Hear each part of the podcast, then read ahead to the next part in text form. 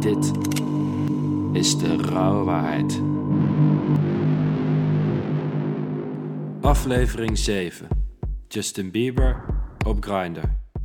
In de afgelopen jaren ben ik erachter gekomen dat Koen en nieuwe dingen uitproberen hand in hand gaan.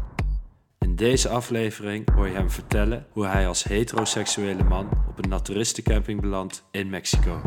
Hier mist hij de energie van een mooie vrouw. Helaas zijn er geen vrouwen in de buurt. Omdat Koen toch zin heeft in een avontuurtje, besluit hij Grindr te installeren op zijn mobiel en gaat hij op date met een Mexicaan die op Justin Bieber lijkt.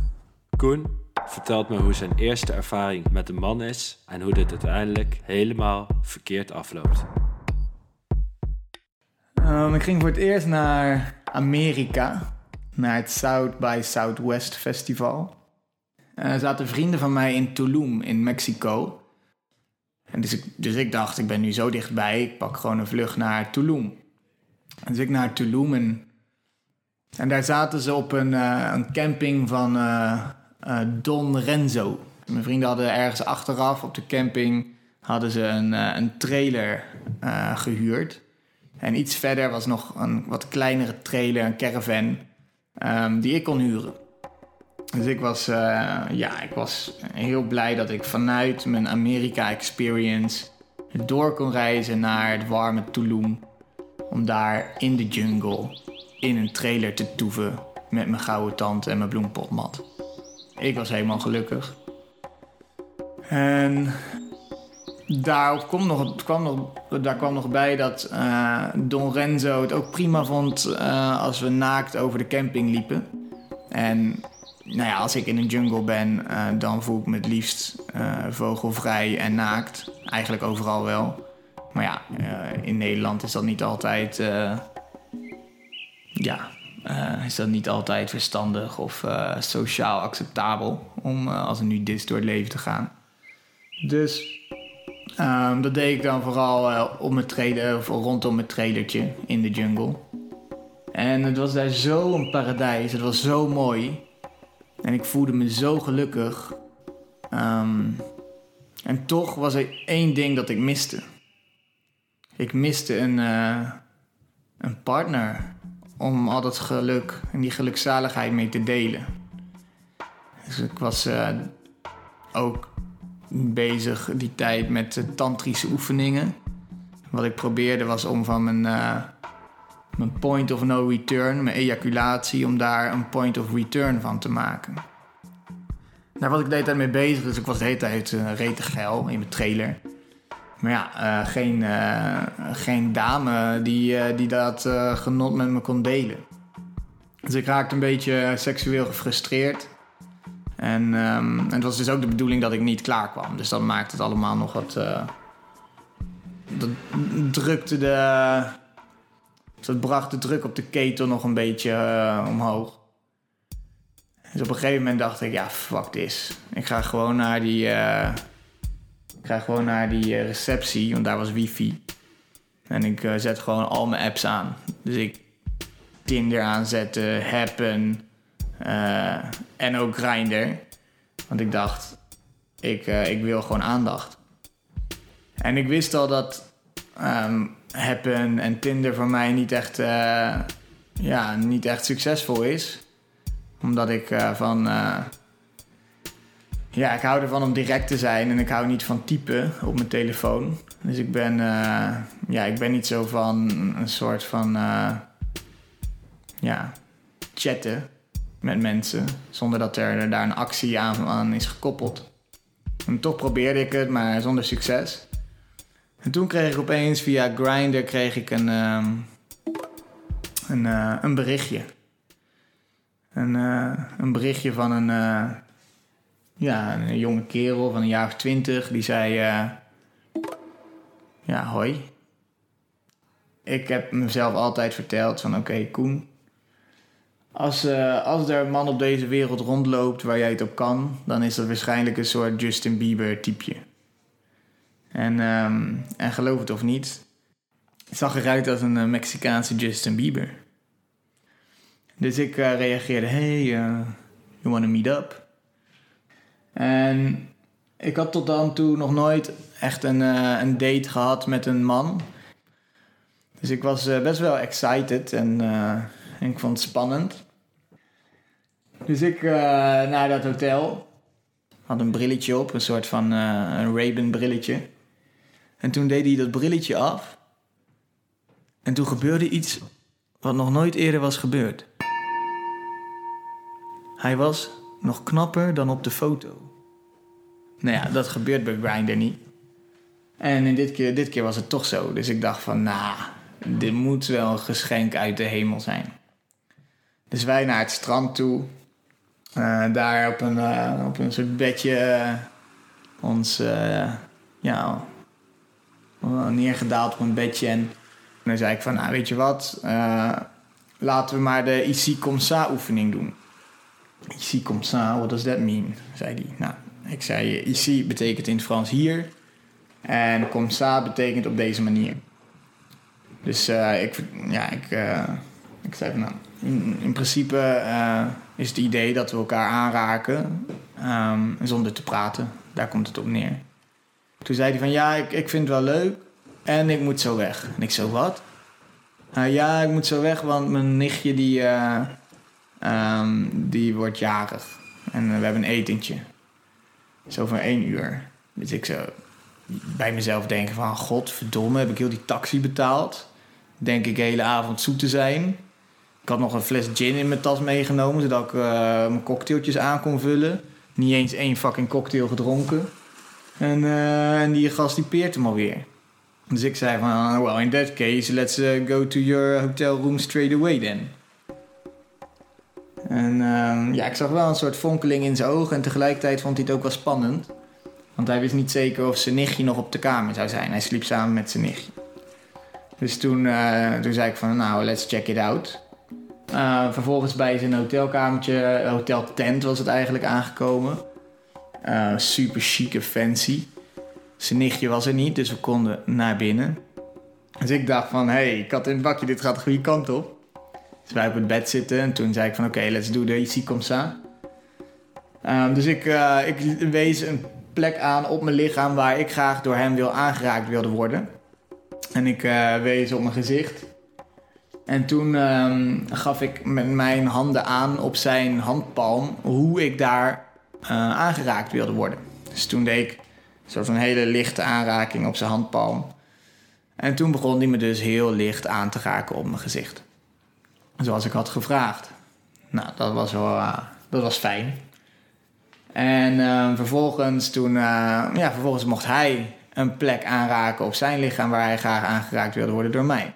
Dus hij, ehm, hij wees naar zijn schouders.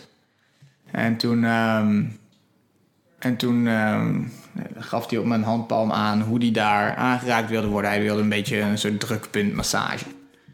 Dus toen vervolgens eh, pakte ik zijn shirtje beet, deed hem uit. Dus toen zat hij in zijn blote bast. En toen begon ik hem te masseren. Ja, vervolgens, eh, ik, wist dat de tijd drong. Dus ik dacht van oké, nou volgende gaan we even tandje bij. Dus toen ehm, wees ik op mijn mond. Met mijn vinger wees ik rond mijn mond. Toen pakte ik zijn handpalm en toen likte ik zijn handpalm. Dus zo wilde ik op mijn mond aangeraakt worden. Nou, toen keek hij een beetje eh, geschrokken. Toen zei hij: Do you want me to kiss you? En, eh, en, en toen gingen we zoenen. En toen zoende hij gewoon als een vrouw. Het was zo een tedere, lekkere zoen. Dat ik voor het eerst in mijn leven opgewonden werd door het zoenen van een man. Ik had wel eerder met mannen gezoend. Maar dat was dan meer een feestje om, eh, om me niet te laten kennen of zo. Maar dit was gewoon de eerste keer dat ik gewoon ook een erectie kreeg. Dus ik dacht, wow, this is it, this is the moment. Dus eh, ik ging gelijk voor zijn broek. Dus ik zijn broekje open doen, onderbroek uit. En toen eh, legde ik hem neer met mijn hand op, op zijn borst op het bed. Legde ik hem plat. En toen ging ik straight voor deep throat. En toen had ik die piemel in mijn mond. En toen realiseerde ik me nog iets.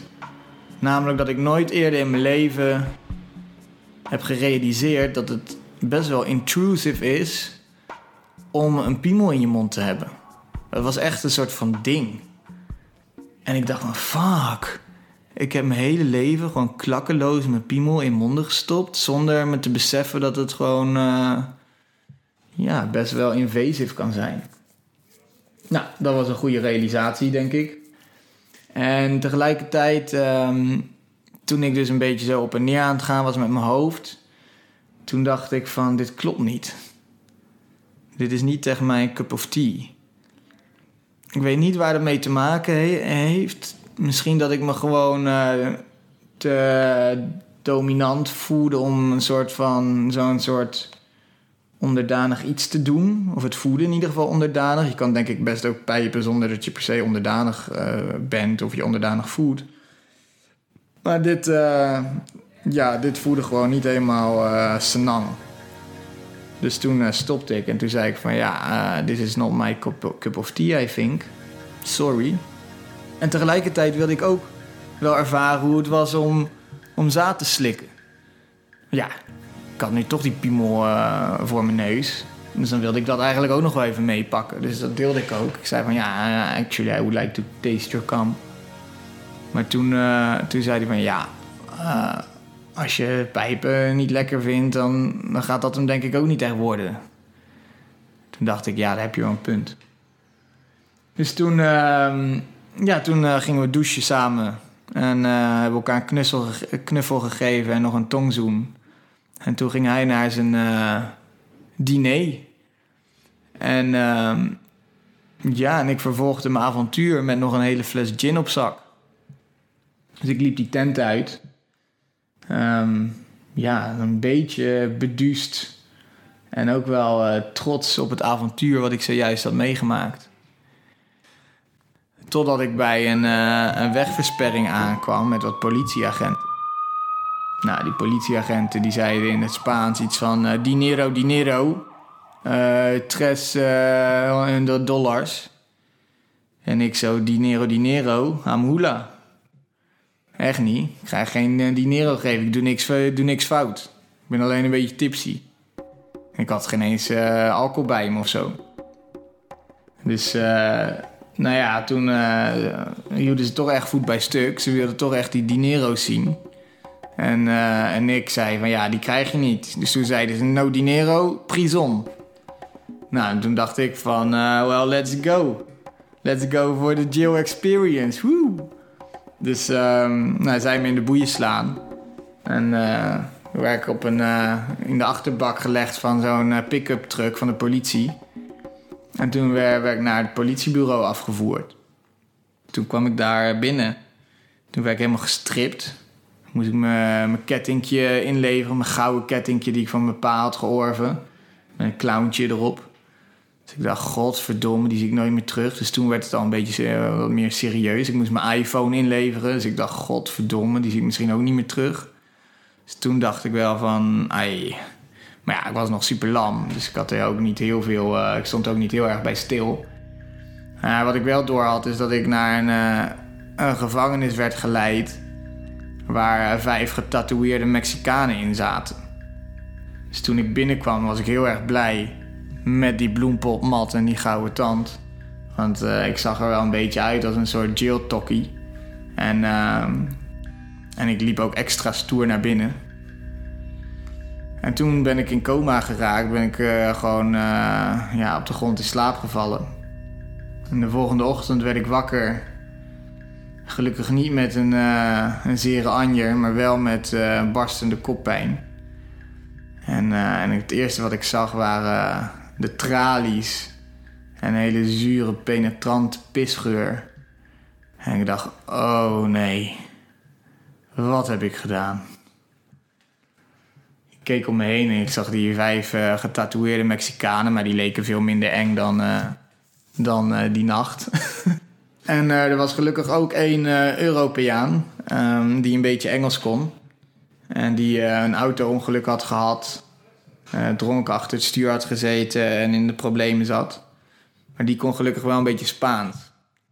Dus um, hij kon me vertellen dat, dat je of 30 uur moest zitten en dan werd je misschien vrijgelaten. Of je moest uh, eh, 300 eh, dollar afrekenen en dan, uh, en dan uh, kon je jezelf vrijkopen.